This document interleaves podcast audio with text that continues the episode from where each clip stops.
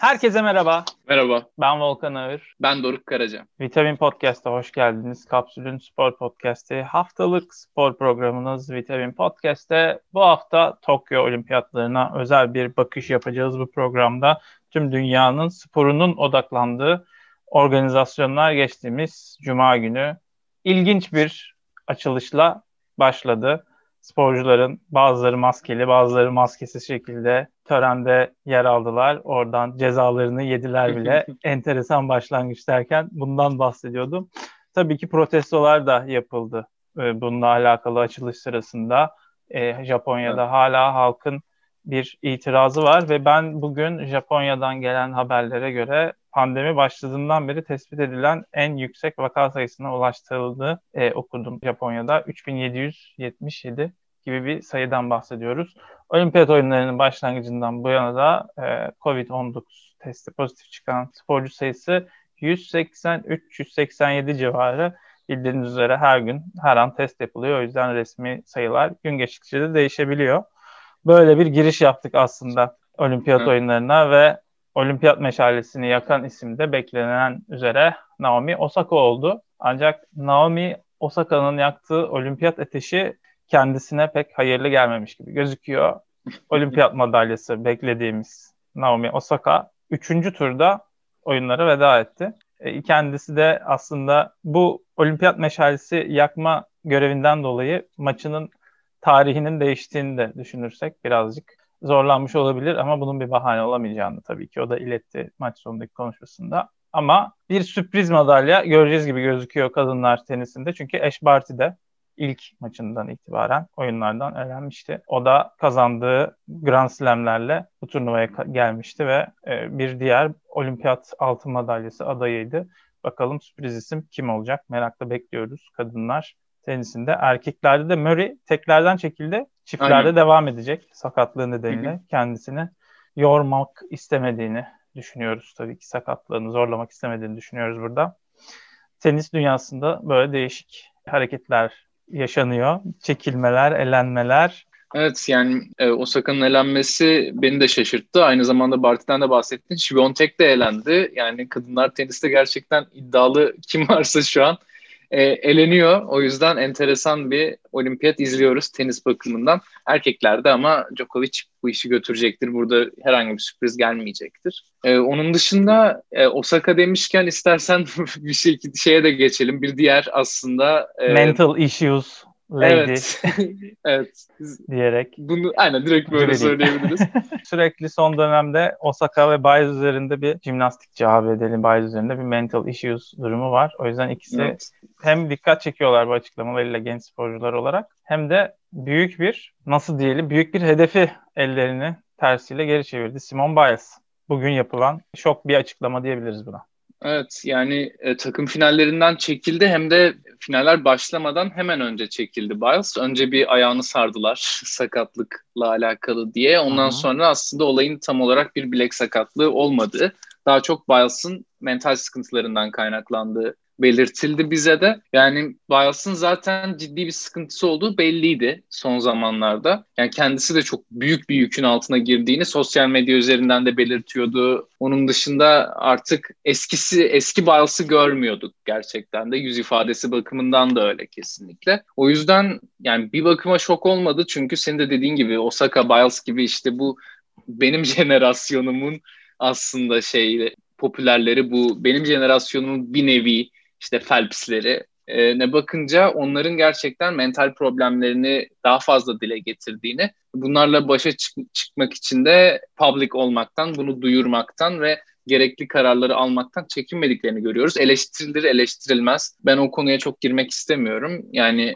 bu tarafta ikisi tarafında aslında haklı argümanları olabilir ama sonuç olarak sporcunun ne hissettiği, ne istediğine kalmış bir şey. Sanki iki sporcuda da ya da yeni jenerasyondan yine böyle bir yorumlayacaksak çok jenerasyon analistiymiş gibi. Hani sanki olimpiyatlarda madalya kazanamazsan çok kötü olur, hayatın sonu erer baskısına e yani şeklinde bir cevap veriyor. Yani çekildim, onu kazanmayacağım ama öbürünü kazanacağım. E yani iki tane eksik kazanmışım. Dünyanın sonu değil. Sanki burada biraz olimpiyat sporlarında başarı kazanmaya bakış da biraz farklılaşmış gibi görüyor hani gençler arasında. Yani yaş daha 20 yıl önce, 30 yıl önce böyle bir şey pek konuşulamazdı. Ne olursa olsun o büyük baskıyı kaldıracaksın ve işte atıyorum kaldırdığın şey halterse onun altına girip o halteri kaldıracaksın. Jimnastik yapıyorsan o parandeleri, taklaları atacaksın gibi daha çok baskı olurdu. Sanki burada bir e yani olimpik madalyam olmamış hayatımda ne olmuş yani olimpik madalya olmadan sporcu olunamıyor mu tepkisi gibi geliyor bana biraz da. Saka ve Bayaz'ın bu kendilerine yöneltilen spotlara verdiği ve baskılara verdiği cevap olarak. Ya Osaka için farklıydı belki durum. Hani ülkesinde yapılan bir organizasyon sonuçta bu ve en büyük organizasyon Hı-hı. dünya üzerindeki. O yüzden Osaka kesinlikle bence stresin altında kaldı. Yani bunun üstesinden gelemedi ve elendi. Biles konusunda da yani dediğine yakın bir şekilde Biles ben her altın madalyayı almak, bunun için sonuna kadar mücadele etmek durumunda değilim. Benim kendi başka bir hayatım da olacak. Ben sadece işte o jimnastikte gördüğünüz kişi olmak istemiyorum. Sadece bununla tanımak istemiyorum demek de istiyor bence bir yandan. Hani başka biri olmak istiyor. Ben bundan sonra bu ya Tokyo'dan sonra e, şey Rio gibi yine spora uzun bir süre ara vereceğini ya da hatta bırakabileceğini de düşünüyorum. ABD Direkt jimnastik zaten... takımında birkaç ay evvel ortaya çıkan e, bir süredir de tartışmaları devam eden cinsel taciz olayları evet. da vardı. Belki bununla bağlantılı bir tepki de olabilir federasyona. Onun iç görüşmelerini, iç e, tartışmalarını daha sonra öğrenebiliriz ama bunun da kadın sporcular üzerinde ayrı bir rahatsızlık ve baskı yaratmış olma ihtimalini ekleyelim ve e, bir başka sporumuza geçelim. Yüzmeyle devam edelim burada. Madem e, hem 20'lerindeki genç sporculardan bahsettik, yüzmede de en çok beklenen Katie Ledecky'nin ABD'li yüzücünün Ariadne Titmus'la yapacağı, Avustralyalı yüzücüyle yapacağı mücadelelerdi. Titmus'la Ledecky karşı karşıya geldiğinde öne geçen sporcu Titmus oldu ve ABD'lileri hayal kırıklığına uğrattı. Ayrıca Ariane Titmus'un koçunun madalya geldiği sevincinde görmenizi öneririz Twitter'da. Müthiş bir e, sevinç anı. Ne yapacağını şaşırmış, nereye koşacağını şaşırmış bir antrenör görebilirsiniz. Yanındaki görevliye de üzüldük hepimiz. Yani hani hareket etmeyin aman dikkatli olun derken e, görevli hanımefendi ne yapacağını şaşırmıştı koça. ABD'nin böyle bir hayal kırıklığı yaratmış olması Ketile'deki açısından e, daha çok tartışılır ABD'de. Büyük bir tartışma olur. Çünkü Michael Phelps olacak gözüyle bakılıyordu. Şimdi bir de Simon Biles'ın geri çekilmesi oldu. Hani ABD'de genel bir spor yaklaşımında değişim de yaşanabilir bu açıdan baktığımızda.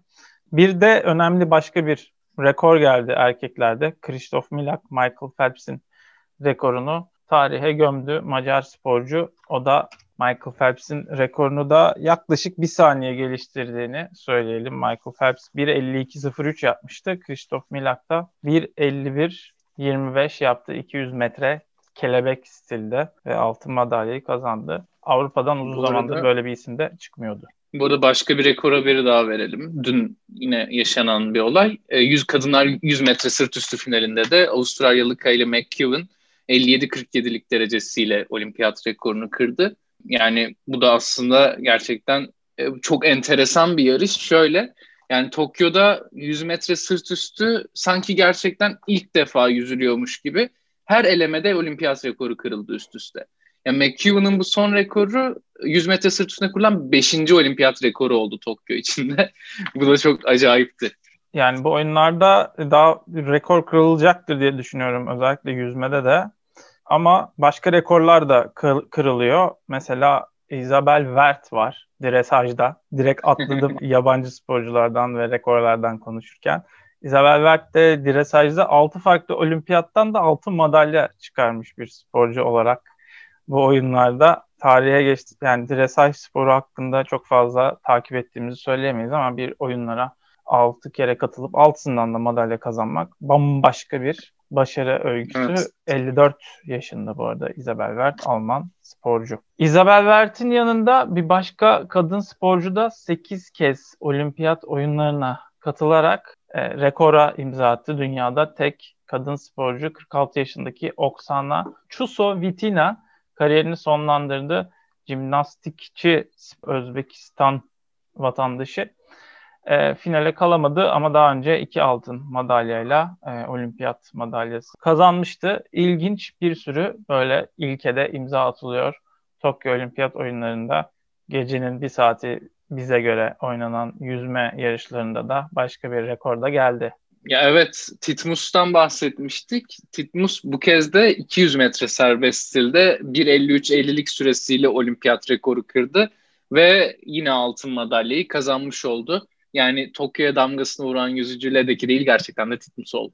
Yüzmede 400 karışıkta Beril Böcekler de yüzdü. Türk sporcuları da bu şekilde geçebiliriz programın bu kalan kısmında. Birçok hikaye, birçok farklı olay da yaşanıyor. Sporcularımızın karşılaştığı rakiplerinin de hikayelerinden bahsederek biraz da genişletebiliriz. Türkiye'yi temsil eden sporcuların aldığı sonuçları. Yüzmeden Titmus'tan sonra Beril'e devam edelim. Beril de 400 metre karışıkta e, mücadele eden sporcuydu Türkiye adına ve 16. oldu 26 sporcu arasından. Finale kalamadı ama bir yarı final müsabakası yapılıyor olsaydı yarı finale kalmış olduğunu söyleyebilirdik rahatça. Beril Böcekler'in de bu konuda e, aldığı başarıdan dolayı kendisini tebrik ediyoruz. Ayrıca takımda da bugün biz bu programı çektikten birkaç saat sonra kadınlar 4x200'de mücadele edecekler. Deniz Ertan'ın 1500'de 17. olduğunu hatırlatalım. Victoria Zeynep Güneş 200 metre bireysel karışıkta 22. olabildi ve yarı final yüzme hakkı kazanamadı. Merve Tuncel'in 400 metre serbestte 19. olduğunu ve 1500 serbestte 11. olduğunu söyleyelim. Son olarak da biz bu programı kaydetmeden önce birkaç saat evvel Defne Taç Yıldız 200 metre kelebekte yüzdü ve 200 metre kelebekte yarı final yüzme hakkı kazanan bir sporcu olarak da takımda kendini gösteren, sivrilen isim olarak öne çıkıyor. Onu da ekleyelim. Yarı finalde evet. 2-11-27'lik bir derece elde etti ve 14. oldu. Yani dünyanın en iyi 14. yüzücüsü olarak Defne Taç Yıldız olimpiyat oyunlarını tamamladı diyebiliriz. Kendi performansından memnun kalmadığını söyledi televizyonlara yarışın ardından. Bir dönem Türkiye milli takımının da antrenörlüğünü yapmış olan Erkan Mutlu'dan kısa bir yorum aldım Defne Taç Yıldız'ın performansıyla alakalı. Şimdi onu dinleyelim. Yani olimpiyatlarda o kadar olumsuzluklara rağmen bence yine de tabii 2-10 net bence daha güzel performanstı ama 2-11 kendisi de memnun kalmamış dediğin gibi. Kendi bestini yapsaydı finale atacaktı kapıyı. Olmadı yani. Erkan Mutlu'ya bu kısa yorum için teşekkür ediyoruz. Defne'nin de Erkan Mutlu'nun da dediği gibi biraz daha iyi yüzebilirdi ama yine de yarı final yüzen bir sporcu olmuş olduğu için kendisini tebrik ediyoruz. Bu başarısından dolayı yüzmede Yiğit Aslan 800 metrede 24. oldu. Berkay Ömer öğretir. 100 metre kurbağada 18. 200 metre kurbağada 22. olabildi. Hüseyin Emre Sakçı beklentilerimizin olduğu bir sporcuydu. O da 100 metrede 19. oldu 100 metre kurbağalamada. Batur Alp Ünlü ise 200 metre serbestte 34. olmayı başardı. Yüzme yarışlarında ayrıca Berke Sakan'ın henüz yüzmediğini ekleyelim. Batur Alp Ünlü de 200 metrede 34. oldu. Evet bir başka branşa geçelim ve o branşta madalya aldığımız branş olsun. Güzel haberlerle devam edelim.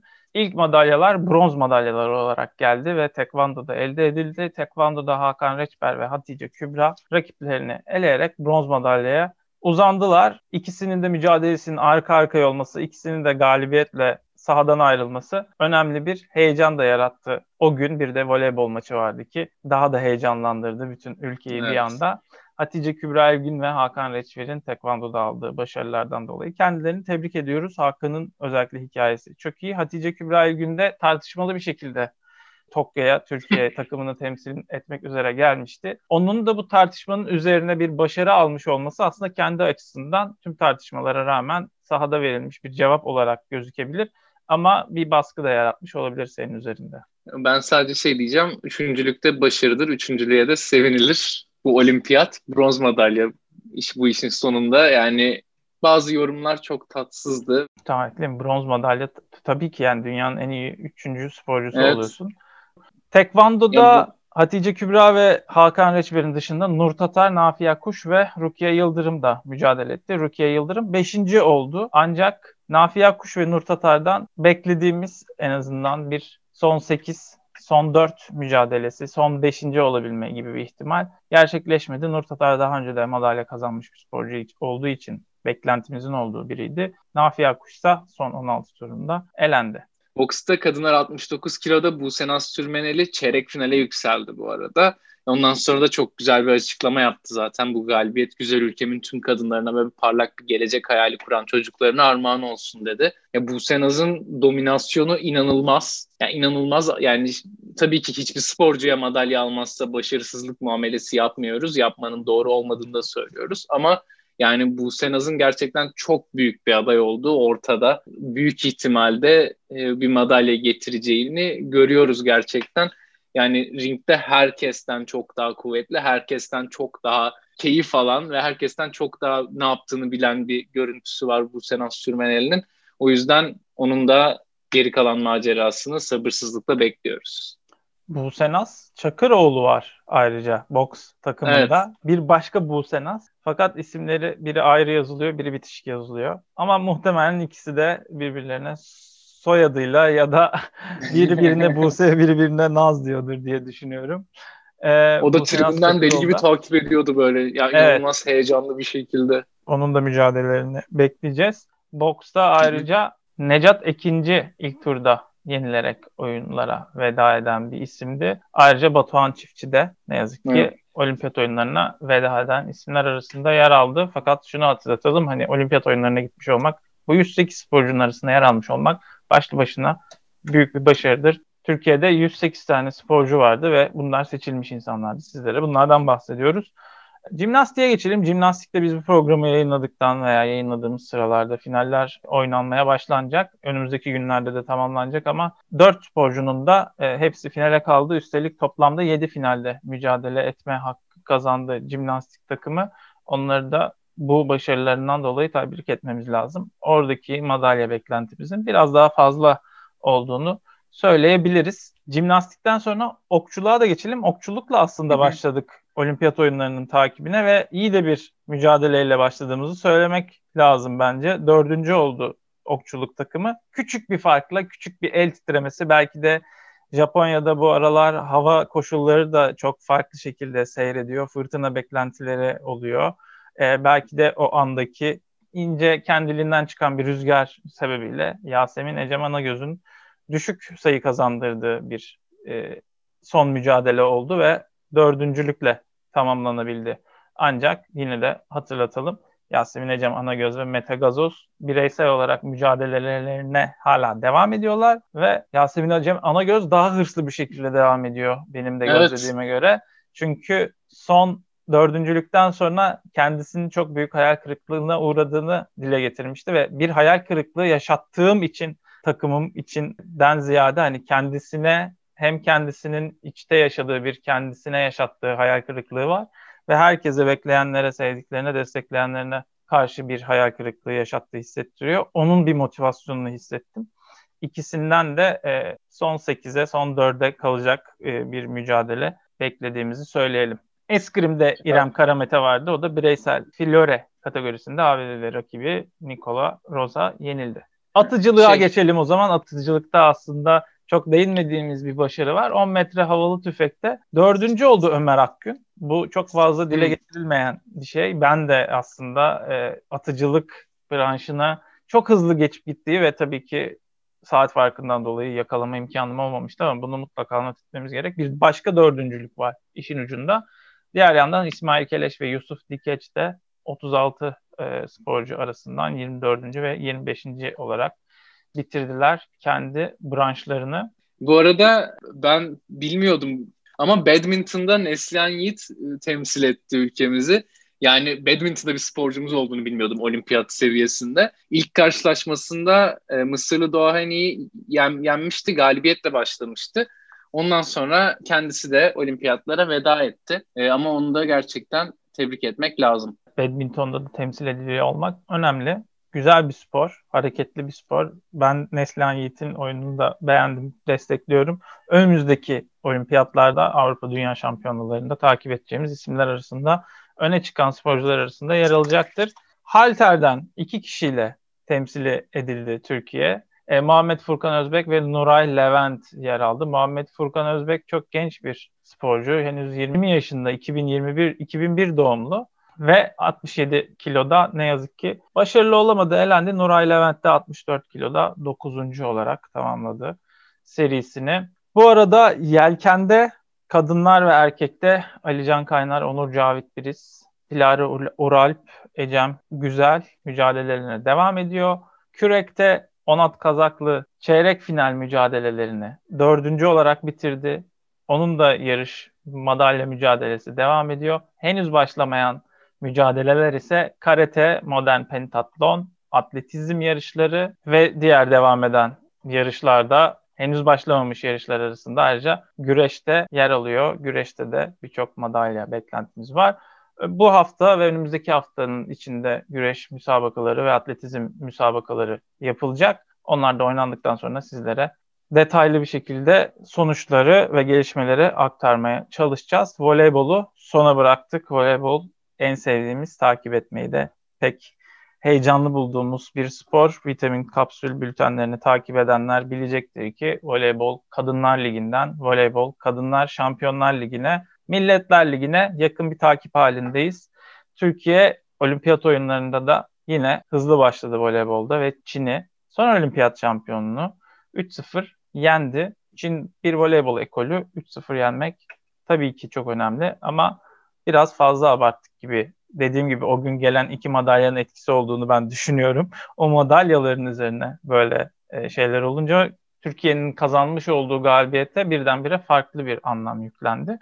O yüzden de farklı tartışmalar da yaşandı. Bu tartışmalara girelim mi? Ben çok gereksiz bulmuyorum aslında bu tartışmalara girmeyi ama hani giyimine, kuşamına işte Müslüman kadın böyle giyinmez o yüzden ben buna sevinmem diye bir İhsan Şen Hoca'nın attığı bir tweet vardı. Çok konuşuldu kadın haber spikerleri, ana haber spikerleri kendi YouTube kanallarında baya baya bu konuyu eleştirdiler. Baya Türkiye'de e, bu tweet üzerinden başlayan bir tartışma yaratıldı. Bir tartışma büyüdü. E, yani böyle kendi fikrine göre güzeldir, bu değildir diyen insanlar olacak bence. Çok fazla takılmamaya gerek var. Ama görüyoruz ki takılmayınca da başımıza çıkıyor bu tipler. O yüzden evet. Çin'in Türkiye karşısındaki galibiyeti hakkında sen neler diyeceksin? Çünkü ardından bir de şöyle de söyleyelim. İtalya'dan 3 birlik bir mağlubiyet aldı Türkiye voleybolda. Önce Türkiye sonra İtalya maçı hakkındaki ve etrafındaki sportif tartışmalar üzerine söylemek istediklerini alalım Doruk. Ya öncelikle bu etrafındaki sportif tartışmalar bitmek bilmeyecek. Yani e, ilk galibiyetten sonra bu galibiyete neden sevinmememiz gerektiği konuşulmaya başladı. Mağlubiyetten sonra da e, bu sefer işte Guidetti'nin Türklüğü, Guidetti'nin Türkiye'ye olan sevgisi bir antrenör olup olamayacağı burada doğru bir seçim olup olmadığı tartışılmaya başladı. Ki benim gözümde Guidetti'nin bu şekilde tartışılması o ilk tartışma kadar korkunç. Yani onu da söyleyeyim. Guidet yeteneğini tartışan kim oldu? Ben orayı kaçırmışım. Çok ya şöyle genel olarak İtalyan olduğu için yani İtalya karşısında alınan mağlubiyetten sonra e, çok fazla şu açıdan eleştiri alındı işte Türk milli takımının antrenörünün Türk olması gerekir diye ve Guidetti'nin bu ülke için yaptıkları, bu ülke voleybolu için, bu ülkenin gelişimi için sporda yaptıklarını kesinlikle bilmeden ki zaten hani bir yapmış olsa yapmamış olsa ne fark eder? Yabancı bir antrenörü olmanın neresi yanlış? Bunu da biliyorum ama Guidetti'ye yapılan bu ayıp da bence şunu gösteriyor. Yani bu Türkiye voleybol milli takımı ne yaparsa yapsın maç kazansın maç kaybetsin madalya alsın, madalya alamasın. E, her seferinde tartışılacak bir şeyini bulacaklar. O yüzden ben çok girmeyeceğim bu konuya daha. Yani ee, belki onun... Türkiye spor tarihindeki en tartışmasız takım ama yine de tartışma bulacak evet. bir şey yaratıyoruz. Yani şeyi sanki görür gibi oldum böyle işte bütün hocalar kendi ülkesinin vatandaşı, o ülkenin vatandaşı bizimki niye değil. Yani İtalya bu sporun en okul haline gelmiş sporlardan bir tanesi ki Avrupa'da kadınlarda özellikle Türkiye ve İtalya zaten Şampiyonlar Ligi'nde en çok kapışan oyuncular ki spiker Kerem Öncel hiç bahsetmedi ama bu oyuncular zaten birkaç ay önce kulüpler düzeyinde karşı karşıya geldiler, oynadılar. Egon'un mesela Şampiyonlar Ligi finalinde MVP falan seçildiğini duymak isterdik TRT'den. Bu tür oyunculara dair bilgiler verilmesi hoş oluyor. Çünkü biz olimpiyatları takip ederken oyuncuların hikayelerini de takip ediyoruz. 8 kere olimpiyata evet. katılmış olması bizim için bir sayı değil. 46 yaşına kadar o sporcu olma arzusunu takip ediyoruz. Veya işte Egon'un göçmen bir karakterle İtalya'da farklı bir algı yaratma çabasını da takip ediyoruz. Veya başka sporcuların başka hikayelerini. Ama dediğim gibi yani Ebrar'ın mesela bu maçta az tercih edilmesi belki İtalya olduğu için farklı bir taktik miydi? Buna dair hiçbir şey duymadık. Benim aklıma bir ya, soru geliyor bununla alakalı. İki maçtır Kerem Önce izliyor. Belki farklı görevlendirilme olmuştur ama Mehmet Sevinç diye voleybolu bilen, voleybolu belki ülkede bilen beş adamdan biridir. Ee, anlatabilecek bir spiker de var şu anda TRT ekibinde Japonya'da. Neden acaba voleybol maçlarında Mehmet Sevinç'i göremiyoruz? Kerem Öncel gayet güzel futbolda anlatabilirdi belki veya başka müsabakaları. Veya Mehmet Sevinç e, belki bizi duyarsa, dinlerse en azından Kerem Öncel'e bazı bilgileri WhatsApp'la falan da olsa maç sırasında iletirse belki söylerler. Cidden yani sadece sporcuların adını ne güzel vurdu, ah vuramadık, ah işte hadi kızlar kurtarın şu e, smacı, koyun bloğu falan gibi e, duygusal ve sadece televizyon karşısındakinin hislerini söze dökme gibi bir monoloğa dönmek, bir sunuculuk artık sıkıcı hale geliyor takımın neyi hata yanlış yaptığını dediğim gibi birçok insan Ebrar'ı görmek istedi. Ebrar daha az oynadı. Bununla alakalı karşılaştırmalı bir istatistik verirsin. Geçen sene ilk geçen maçta ilk sette iyiydi. Bu maçta iyi başlamadı. O yüzden değerlendirmiyor vesaire vesaire. Yani bu tür sportif tartışmalar yerine işte son olimpiyat şampiyonunu yendik. En büyük takım biziz. Canınızı sıkmayın İtalya bir şey değil. Olsun canınız sağ olsun biz sizi her türlü seviyoruz. Yani spor böyle takip edilecek veya sunulacak bir şey değil. Burada alınan bir galibiyet kadar alınan İtalya karşısında alınan puanlar da önemli hale gelebilir. Çünkü ilk dört takım çıkıyor. Öyle bir şey olur ki işte averajla üstünde yer alırsın takımının. Yani bu tür minik detayları kaçırmamak lazım. Nitekim Türkiye'nin e, Rusya'nın İtalya'ya attığından daha fazla sayı attığını söylersek Rusya'nın karşısında biraz avantajlı da oldu sıralamada bu açıdan Türkiye. Evet ya bu arada dediklerine katılıyorum kesinlikle. Bir yandan da Evrar konusuna gelirsek hani ondan konusunu da açtın. Bence Evrar gerçekten farklı bir şey yaşıyordu bu maç sırasında. Yani kafası çok sanki maçın içinde değildi Ebrar'ın. Modu çok düşüktü, morali bozuktu. Ya ben normal şartlarda tabii ki her sporcunun kötü performans gösterdiği günler olur. Ama hani Ebrar'ın daha farklı bir şanssızlık yaşamış olduğunu düşünüyorum. Ne olduğunu bilmesem de e, kesinlikle maçın içine giremedi Ebrar bir türlü. Hani Ebrar maçın içine giremeden de zaten İtalya'yı yenmeniz mümkün değil. Böyle bir silahınız varken. O yüzden de çok aslında da talihsiz oldu ama ya moralde bozmamak lazım e, dört takım çıkıyor. Bu sadece bir grup maçıydı. Amerika maçı da böyle geçebilir. İki mağlubiyet üst üste almış da olabiliriz yarından sonra. Ama moralleri bozmamak lazım. Açıkçası Amerika maçı hiçbir zaman zaten hedef maçı değildi Türkiye için. Bunu da yani düşünmek Amerika ile zaten Türkiye birkaç ay önce Milletler Ligi'nde karşılaştı. Amerika'nın seviyesini biliyoruz. Bazı oyuncular evet. Türkiye'de oynadığında da gördük ne kadar yüksek seviyede oynadıklarını. Yani ABD maçı yine bir set kazanılırsa avantaj yaşanacak bir maç. Onun dışında Arjantin ve Rusya'yı yendiğinde zaten Türkiye otomatik olarak üçüncülüğü garantilemiş oluyor. İtalya'yı da belki ABD'ye yenilir. Averajda İtalya'nın önünde bitirir belki Türkiye. Yani bu voleybolu olimpiyat oyunlarında bu tür detaylarına bakmadan takip edince hani 3-0, 3-1, 3-2, a işte 3-2 olunca ezilmedik, 3-0 olunca ezdik oluyor. Hayır Türkiye mesela bu maçı 3-0 da kaybetmiş olsaydı işte 25-22, 25-23 gibi setlerde ezilmedik denilebilecek setler aslında. Çünkü son böyle 22. sayıda belirleniyor. Sonuna kadar takip etmiş oluyorsun rakibini. Tek Bu son sette da, koptu ya oyun. Son sette evet koptu. Türkiye bir set kazandıktan sonra daha sonrasında da kıramadı. Yani Egon'u gerçekten maç öncesinde ben oturdum Rusya'nın maç özetlerini izledim İtalya ile oynadı maça domine etmiş, damgasını vurmuş. Yani durduramıyorsun. Bunun benzerini işte daha önce Gamova'dan vesaireden izlerdik Rusya'da. evet. Şimdi Egon'u geldi. İşte Güney Kore'de Kim Jong-un vardı Fenerbahçe'de. Sonra Zhao Ting'ti sanırım Çin'de oynayan e, Vakıfbanklı voleybolcu. Hani bu tür uzun smaçörler zaten hem turnuvaya damgasını vuracak isimler oluyor hem de takımlarını taşıyorlar. E, bazen de yani boy ve kol, kol avantajı o kadar fazla ki Egon'un önüne geçmek çok zordu. Durdurulamadı ama iyi yanından bakmak lazım. Rusya'ya nazaran bir tane ser, bir tane set aldı Türkiye ve önünde şu an Rusya'nın. Egon da bu arada gerçekten yani inanılmaz bir oyuncu ya. Ya 29 sayı attı ama yani o 29 sayıdan bile çok daha fazlasını gösterdi. Ya sanki tüm maç Türkiye sadece Egon'u durdurmak için uğraştı.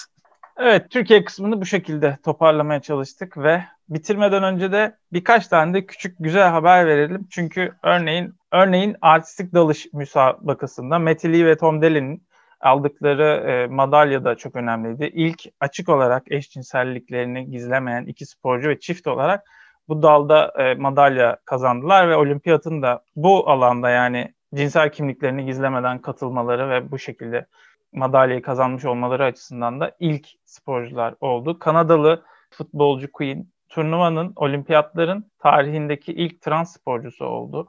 Bu açıdan çok farklı bir olimpiyat oyunları takip ettiğimizde, izlediğimizde söylememiz lazım. Alman jimnastikçilerin bir tepkisi vardı olimpiyat oyunlarına, e, giyim kuşam kurallarına karşı. Biliyorsunuz bir mayo giymek zorundalar kadın sporcular jimnastik mücadelelerinde veya yüzme mücadelelerinde ve bu da cinsel açıdan çağrışım yaratabiliyor veya televizyon ekranlarında da cinsellik açısından daha fazla görüntülenebiliyor diye bir tepkileri de vardı sporcuların da yayıncıların da. Sporcular tüm vücutlarını saran taytlar giyerek jimnastikçiler mindere çıktılar ve yayıncı kuruluşta kadın sporcuların cinsellik çağrıştıran görüntüleri yayınlanmayacak diye bir açıklama yaptı. Bu hani bazı hareketler yapılırken daha fazla zoom yapılır bazı anlarda. Sanırım anladığım kadarıyla bu gereksiz zoomlar, gereksiz çekimler ortadan kaldırılacak. Daha çok sporcunun boydan ve e, performansını izleyebileceğimiz şekilde yayınlanacak anladığım kadarıyla.